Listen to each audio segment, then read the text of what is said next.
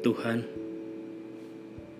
ketika aku lelah, ketika aku kecewa, aku memilih memendamnya sendiri. Dan ketika semua itu sudah tak bisa aku bendung lagi, aku memilih untuk menangis. Aku belajar untuk terus berharap, bersabar dan percaya bahwa akan ada hari di mana aku akan kembali tersenyum lepas bahwa segala yang aku kepayakan akan indah pada waktunya.